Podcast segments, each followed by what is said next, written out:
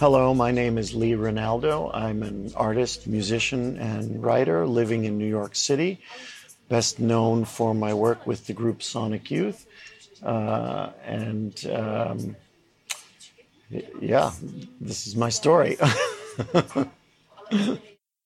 I början av 1980-talet i New York var Lee Ronaldo med och bildade det inflytelserika bandet Sonic Youth, vilka var aktiva fram till 2011. Vid sidan av musiken i den gruppen har han sysslat med en mängd andra konstnärliga och musikaliska projekt. Han har en sångstil som ibland är mer som uppläst poesi. Hans gitarrspel kan vara lika dissonant och intensivt som meditativt. Så det känns en aningen märkligt att sitta tillsammans i Moderna Museets Café med en person jag lyssnat till så många gånger men aldrig pratat med. Men vi har ett samtal om böcker, läsning och Lis egna skapande. Vi kommer även att få reda på vilka böcker som lästes under inspelningen av vissa skivor och hur förhållandet till att skriva texter förändrats. Men jag börjar med att fråga om jag har rätt i min tanke att han är en läsande person. Definitely. you know, in Sonic Youth we were all huge readers and we were always trading books and um, turning each other on to authors that we we liked or that we were interested in, and and at the same time we were also writers, yeah. and you know for myself, in addition to visual art and music, I feel like I'm someone who was was taking seriously the idea of being a writer from a pretty young age. Right. You know, keeping journals and reading books and and uh, writing stuff myself, whether it was, you know, as a young person or a teenager, writing poems or short stories or whatever, or certainly keeping a journal of events and things like that. And uh, literature was has always been like one of the most inspirational things, you know, from uh, from a very early age, you know. I mean, we didn't have a ton of books in my house. My parents weren't big readers. Um, but I think I got it more from school and, and from discovering things, you know, like I think the, the first, uh, I mean, I was a reader since I was six or eight years old. Like when I started learning how to read, I started reading books and reading, you know, young person's, uh, uh, what do you call them? Like uh, series books, yeah, you know, and things like that. And, and then from there, uh, my my first real uh, experiences were with science fiction authors and reading right. reading science fiction and when I was, I don't know, 10, 11, 12, 13, I was pretty obsessed with, with that that literature and especially reading all the classic authors yeah. from the 50s and 60s Isaac Asimov and Robert Heinlein and Arthur C. Clarke. And and I had a group of friends who are actually still my friends today that uh, that shared that passion. So we were constantly trading trading those books around you know and and and so there was a lot of reading. And then you know in school you would read the classics you know either uh, you know you read uh, dostoevsky or tolstoy or you know whatever it was. So you started dickens you know orwell started reading that kind of stuff in, in school and getting a taste for for this idea of literature. And and i was always writing things myself you know. And then as i became a little bit older like by the time I was middle to late teenager, um, I started really getting into uh, Jack Kerouac and Allen Ginsberg and the Beat Generation authors. And it was interesting because I took my first trip across the USA. I spent a summer, the summer after high school, so I was 17 maybe, traveling across the USA in my uh, Volkswagen Beetle with a friend of mine. And so we had all these experiences out on the road. And then when I came back to my hometown, I, I went to university. And one of the first books I read there was Kerouac's On the Road. Yeah. It was so incredible to me because here he was writing about, every, uh, in a way, the same things I had just experienced, you know, being away from your home for a few months, traveling across the, the great, you know, expanse of America to California and back. And, you know, it just, it just really impressed me. And I got super deep into all of those writers, Burroughs and Ginsberg. And, you know, later I became friends with some of them, which was also kind of astounding. But at that point, it was more just from a literary point of view. But, I, and I also have to back up and say that, you know, having been obsessed with and involved in rock and roll since a very, very early age, like since, you know, since I was, I don't know how old I was when the Beatles played on Ed Sullivan, probably like seven or eight years old, but immediately uh, completely obsessed with that. And so one of the things that happened as soon as I started to learn how to play guitar was to try and write songs. And so at that point, I was already maybe writing some small poems and things and starting to write lyrics. And, you know, it's another sort of avenue towards literature and lit- literary endeavor is just to be writing your thoughts in whatever way, whether it turns out to be song lyrics or poems or, or you know, later more long form pieces. Um, and you know, the Kerouac thing just blossomed and and led to reading all kinds of things, you know, and and studies in school also. Um, at that point, I started to uh, become an art student, and I was studying philosophy and studying cinema, and so I was reading, you know, Kierkegaard and Hegel and Sartre and, and these kind of piece, play, people, and and also reading deeper into literature and and reading about modern art theory and cinema, you know, and I don't know. It, it, in a way, it just seems like literature is a deep, deep part of, of life in, in, in a lot of ways, you know. And in the late 70s, when like around the time that Sonic Youth was starting, you know, I discovered that both Thurston and Kim were also like really avid readers. And we had a lot of crossover, but we also had areas where we each knew about certain things that the others didn't know. So we were constantly swapping books on tour, like in, in the van or whatever, wherever we were driving. And, and we were reading a lot of books about 60s culture and, you know, the kind of rise of post war, uh, you know, what became hippie culture you know, and and uh, and music culture, uh, and and that led to reading about things like Charles Manson and the Manson murderers and uh, murders and and uh, you know stuff that was happening in California then, and and it just you know it just led in so many different directions. I mean, you know, literature is a part of life for, for me. You know, the next really important uh, period for me came when I discovered a writer named Raymond Carver. Yep.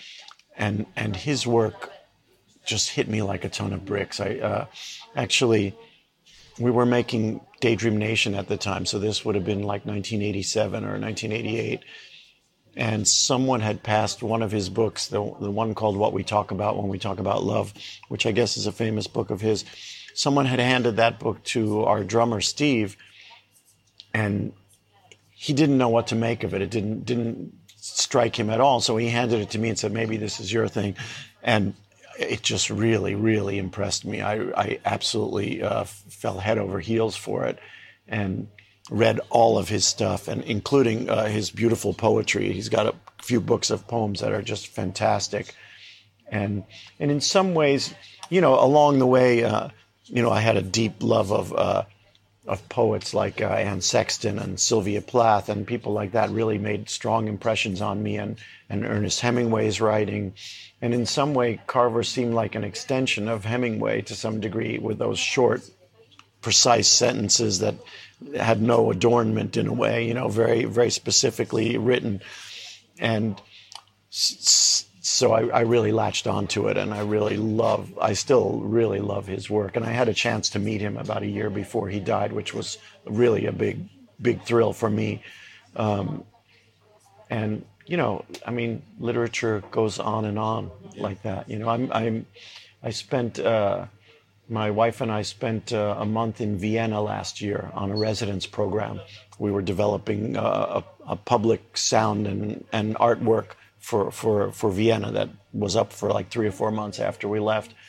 A multi-channel sound system and images on, on the wall in this kind of arched passageway into the center of the city there. And uh, we started hearing about this, this Austrian writer called Thomas Bernhard. And we didn't really know much about him, but you know, again, it's like you know, different doors open to different different points in literature, different periods in literature that, that all of a sudden strike you. So I'm reading uh, one of his books right now, and, and I guess uh, he has a very specific relationship to, to Austria, love hate relationship with Austria. And, uh, you know, it's, it's just so amazing to discover that kind of stuff.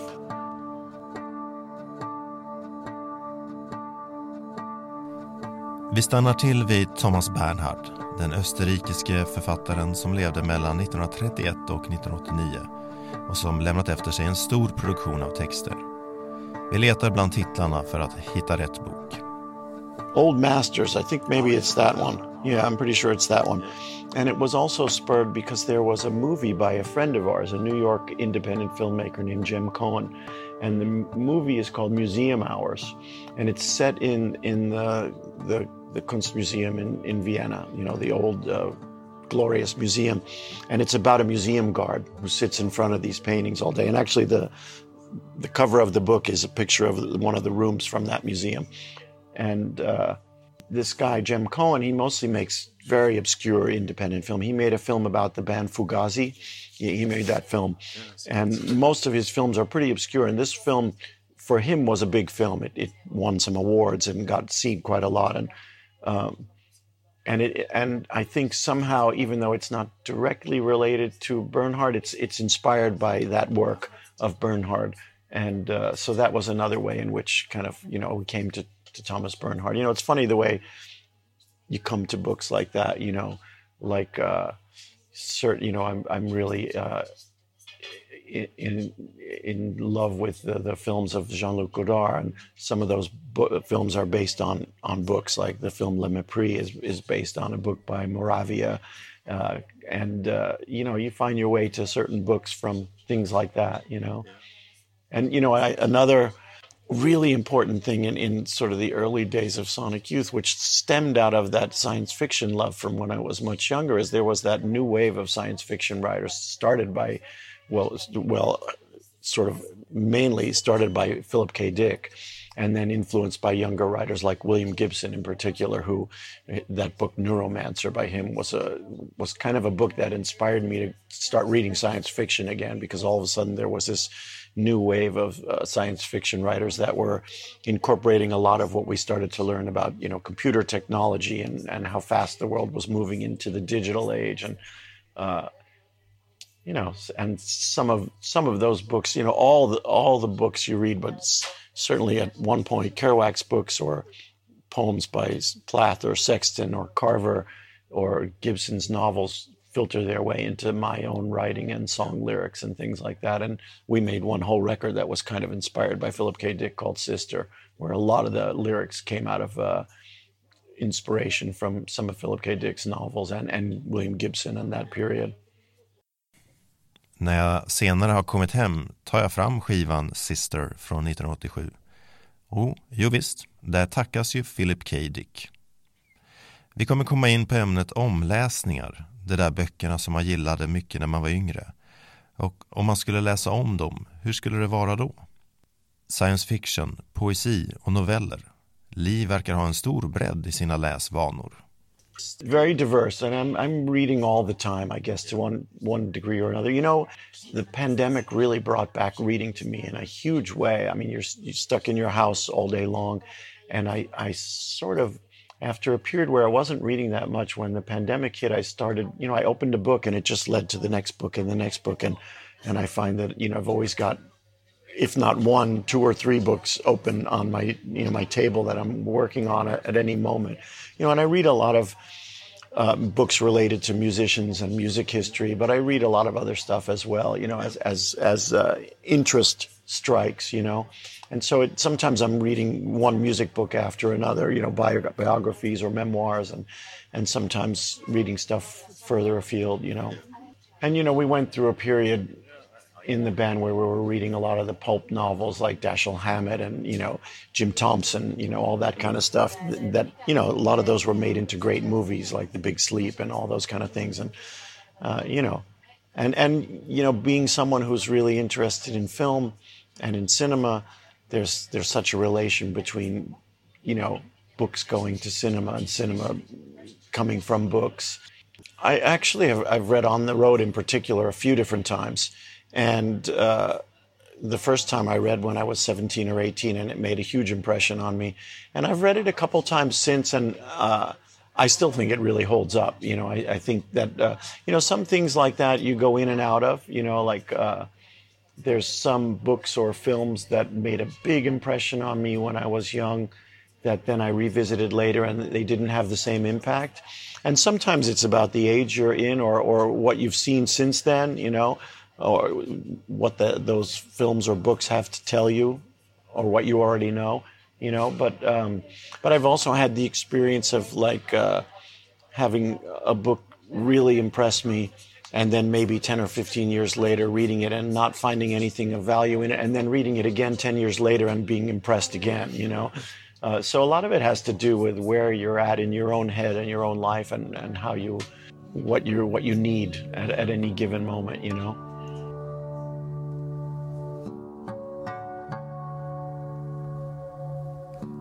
Jag blir nyfiken på relationen mellan musik och litteratur. Har böcker och läsning påverkat det egna skapandet och skrivandet? Yeah, for sure. All, all the way along, you know.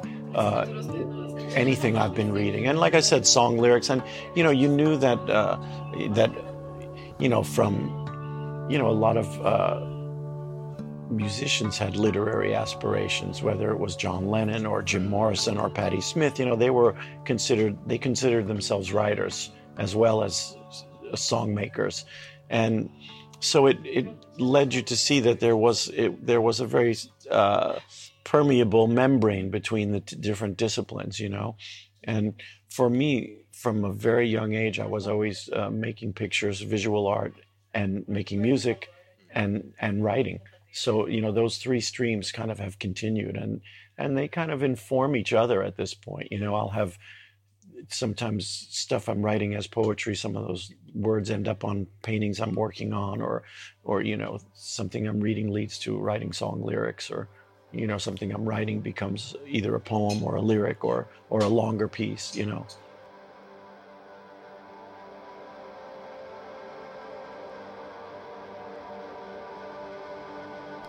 I New York i början av 80-talet växte ju en musikscen fram där Sonic Youth var ett av banden.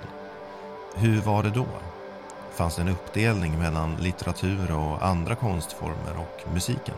No, they weren't separate at all. I mean, like I said, we were constantly trading books, and and you know, Thurston and Kim and I were all writing and publishing things in one form or another. And you know, I studied cinema in school, but we all had an interest in in in cinema as well as books and as well as music and visual art. So all of those things were kind of swirling together you know and you know the interesting thing is in the period when we started in new york like the late 70s early 80s when the new wave scene was happening and the early punk stuff so many young people were moving to new york that um, that ended up in bands you know but didn't really move and were really inspired by that whole movement that was happening but didn't really move there with the intention of being musicians you know you, you there and and you know, the interesting thing about that period in music was that it wasn't uh, teenage kids making rock and roll in their garage. It was more like uh, people who had been through university and studied, you know, modern literature or modern cinema or modern art, and were coming to make music with all of that in their heads, contemporary ideas of of of art and literature. You know, so you know, you had people like uh, Jim Jarmusch, he's a film director, but he was playing in bands, or Robert Longo and Richard Prince, who are artists now, but they were playing in bands. And, you know, uh, some of those people in those early bands came to New York to work in the theater. You know, Glenn Branca was trained as a theater person, and I think Arto Lindsay was too. And, you know, so everybody came to New York with some sort of culture training, but it was much easier and you know, and we also all came to New York having grown up with rock and roll as our as a source, you know, and so it was much easier to form a band and get a gig in a club than it was to get a show in a gallery or to get money to make your film or whatever. So everyone ended up playing in bands, and so the, there was a lot of cross cultural dialogue, you know. People were talking about their backgrounds and influences and, and trading ideas and and trading things about different art forms with each other. And and it was very permeable between them all you know. It was it wasn't like separate camps at that. I mean a little bit later people kind of formed their their profession or whatever and, and kind of it separated out a little bit. But there was a wonderful period where everyone was mixing in, in the clubs. And you know some people were spending the days in their painting studio and some people were shooting short films or whatever. But everybody was exchanging ideas in a really really interesting way.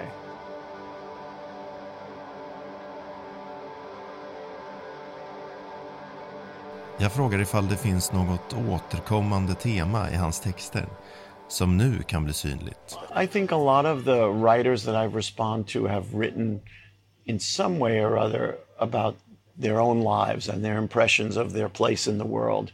And I think that um, my lyrics tend to be, when I'm writing songs, they tend to be a little more personal that way. And even when I'm writing other things, if I'm writing a review or, or a short piece, there's there's always a lot of uh, my own impressions and my own life in a way in, in the in the writing, and it's uh, even even if the writing, you know, some of the lyrics can be fairly abstract, but I know what the references are and where, where the, what they how they stack up in in my own life and you know in my own experiences, and uh, so. Um, I think if anything, that's kind of the theme I see through it all is that, you know, it's, and, and, you know, and that stems, you know, if you read Kerouac, he's writing about his life. He's basically writing a, a whole series of books that are the story of his own life. And, and, you know, that, that's like, um, that's kind of a classic literary thing. It's like you're, you're the, the, you know, whether it's Don Quixote or whoever it is, it's like one person's journey through the world and what they see, and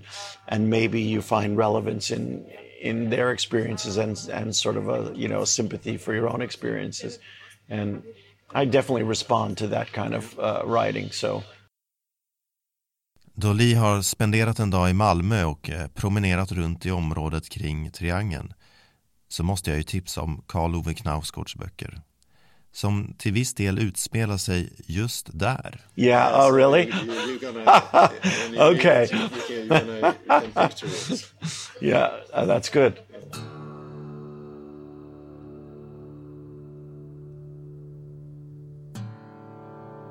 Men tillbaka till livet som musiker.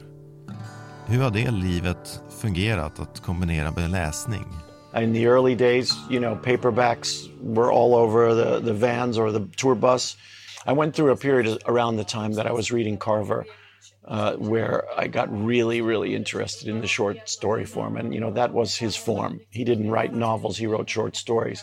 And as he always said, he wrote short stories because he didn't have time to write novels. You know, he had kids to raise and jobs to work and all this kind of stuff. But there was a period when I got really interested in the short story form, and there were a lot of experimental writers and American writers and, and other writers that were working in short story form, uh, Ann Beattie and Donald Barthelme, and a lot, a lot of people.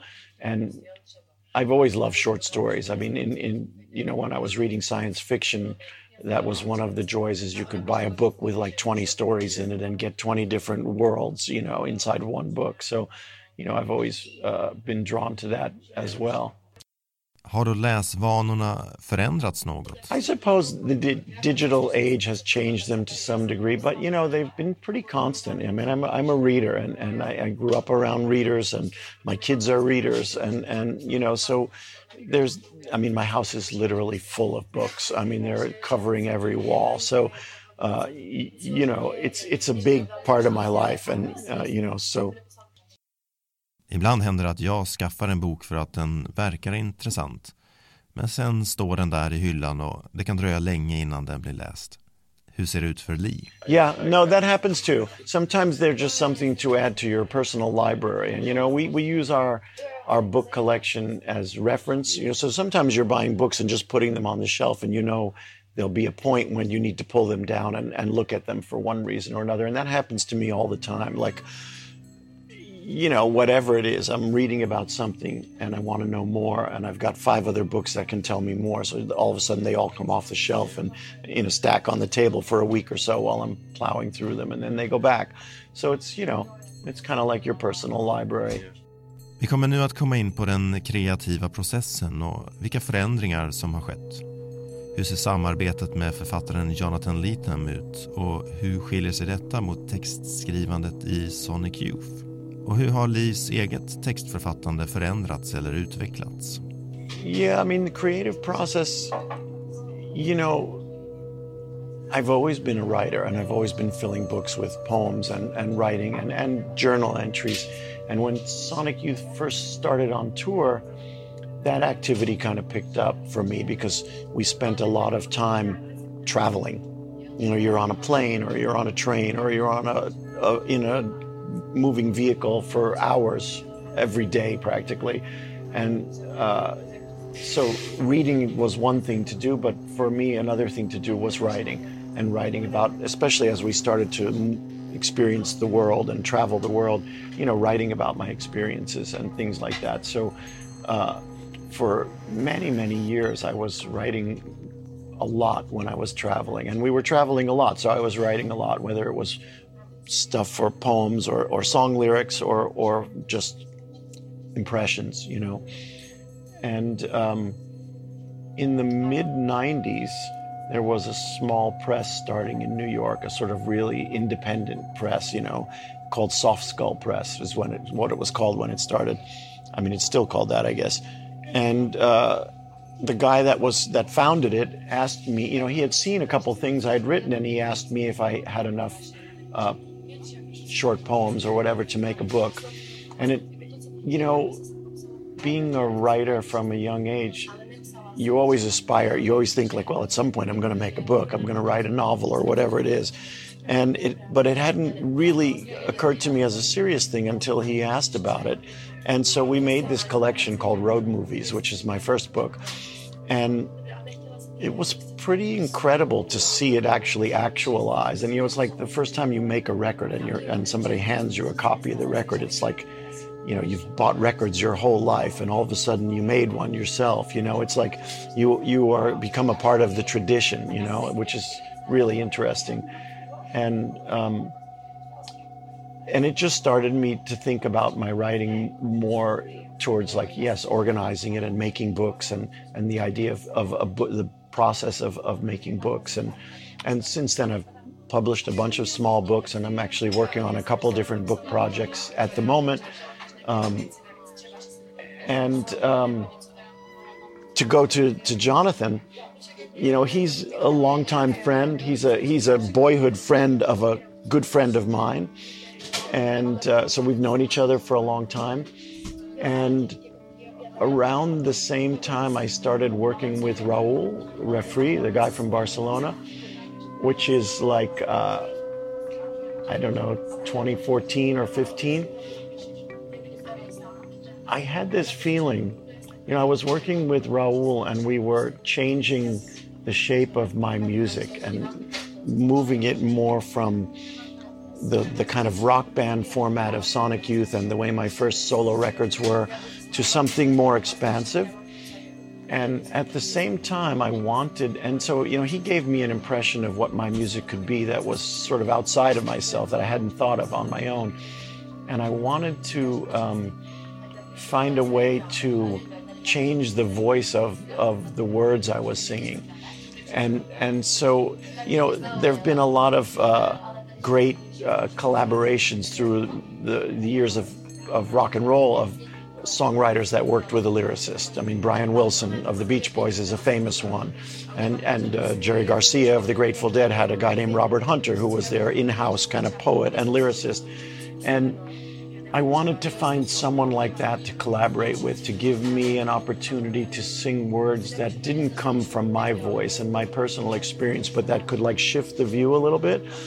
And I made that suggestion to Jonathan, and, and you know, he's kind of a powerhouse writer. He's always writing, and, and it doesn't take much to spark an idea for him. And, and he was really enthusiastic, and so he started sending me stuff. And sometimes he would send me just like three or four lines and they would become the chorus of a song and I would fill in the rest. And sometimes I would have almost a full lyric written, but something wasn't right, or there were some lines or some words I didn't have or didn't know, and I'd send it to him and he would change it. And you know, so sometimes they started as mostly my things, and sometimes as mostly his things, and and then we had a healthy back and forth where uh, you know I would cross out stuff that he wrote and said like I don't like this part, try again, you know, or he would do the same, and and it's been very fruitful. And so we made a few records together where he collaborated on on lyrics on the records, and uh, I think that's going to continue, and. I, I have, you know, he's, I would say he's in the U.S. one of our greatest writers these days, uh, especially for like a mid-career writer, and and so I feel lucky that he's a friend as well, and uh, I really respect his writing, and and you know it's been it's been a really interesting experience to collaborate together, and and I've you know I've sung, it's given me words to work with that were very different than anything I would write, you know, and much less personal in a, in a good way that's, you know, allowed me to get inside some different characters. Sometimes we would suggest things to each other, but m- more in Sonic Youth, that was the one area where we didn't collaborate so much. The music was completely collaborative, like almost every song was a, a full collaboration between the four of us. It was very rare that someone came in and said, like, hey, I've got a song, here's how it goes. That, that never happened in Sonic Youth. We would start in a rehearsal studio and just kind of like sculpt the songs together. But lyrics always were the very last thing that happened after the song forms were all made. And then we would kind of divide up the songs and say, like, all right, you sing these and you sing these, and then go home and kind of privately write the lyrics. And sometimes there would be some uh, interaction. And I think probably Thurston and Kim worked on each other's lyrics to some degree. Uh, but that was that was more a private thing in Sonic Youth, where we, where they were very individual what we wrote you know, with you know, when you're making visual art or when you're writing in general, it's a very solitary activity. You know, you're kind of alone in your studio working on on writing or on painting. But music has become a very collaborative is usually a very collaborative process if you're playing in a band and I guess I wanted a little bit more of that feeling with the with the lyrics, you know. All of a sudden I was working with Raul on the on the music and we were collaborating directly on that and i wanted to kind of have a similar relationship with somebody on, on the lyric end of it. You know you are who you started out to be so in some ways i would say my writing hasn't changed but in other ways i would say yes it's changed a lot and it's gotten i don't know if you want to say more sophisticated but it's just it's gotten more specific to what i want it to be whereas at first you're just kind of writing anything you want and, and maybe you're not really sure what direction is meant for you. Uh, so it's evolved over time. But if I read early pieces that I've read, or you know, if I read stuff from when I was 20, I still recognize my voice in there. You know, even if it seems much more primitive and and uh, maybe not so fully formed at that point in time. I mean, these days I feel like I'm a much better writer and a much better editor of my own writing and, and sort of I can make it much more deliberately exactly what I'm trying to say than I could back then. But, you know, it's the same voice inside of it and behind it.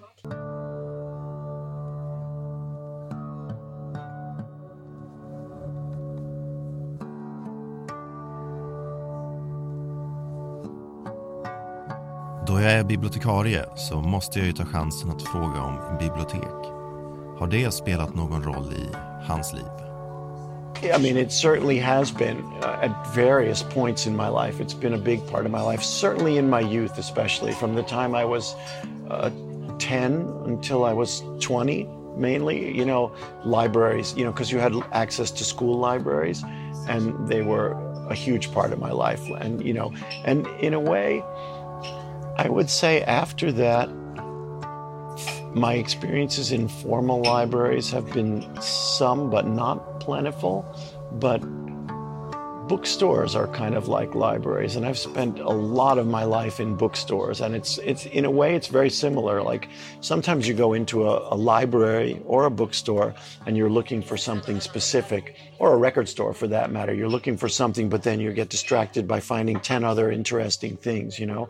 And I, I find that whether I'm in a library or a bookstore, that that happens a lot. Sometimes just kind of drifting through the aisles, looking at spines, you know, you, you, you pull something off, off, off a library shelf and it, it, and it sparks something and you go down a, a rabbit hole of, of some subject that you didn't expect to be looking at, you know. Usually, if I'm in a library these days, I'm going with an idea of researching something specific that I can't get either online or um, or in a bookstore, you know. And so, in the last couple years, I, am deeply involved with uh, an American artist who, called Robert Smithson. He's, he's not alive anymore, but he was a land artist. He made this piece called Spiral Jetty, among other things. And uh, so my uh, my youngest son is in university at Cornell in, in New York State at the moment, and they have a like a, a rare li- rare book library, their manuscript collection that you have to make an appointment to go see. And so I've been utilizing their library to read uh, materials about Smithson that uh, are not available elsewhere. And there's a place in New York called the Archive of American Art. And uh, they also have deep collections of this kind of stuff. So I've been utilizing more like specific, wow, it's really crazy outside right now. I've been using uh, those kind of libraries more specifically now, like like rare book rooms and, and things like that, you know. But it's always fun to go to a, a, library and pull books off shelves. And, you know, when our kids were small, we did tons of that, you know, and finding books for them and, and sort of opening their eyes up to the, to the, the breadth of, of, of, of, you know, of literature, you know. Thank you very much. Okay, my pleasure. Återkommande under samtalet är hur böcker, filmer och konst kan leda vidare till andra böcker och filmer eller konstverk att inspireras av. Och kanske var det just det som jag upplevde var så bra med Sonic Youth. Det verkade i flera olika riktningar på samma gång och fick mig att upptäcka en mängd olika konstformer.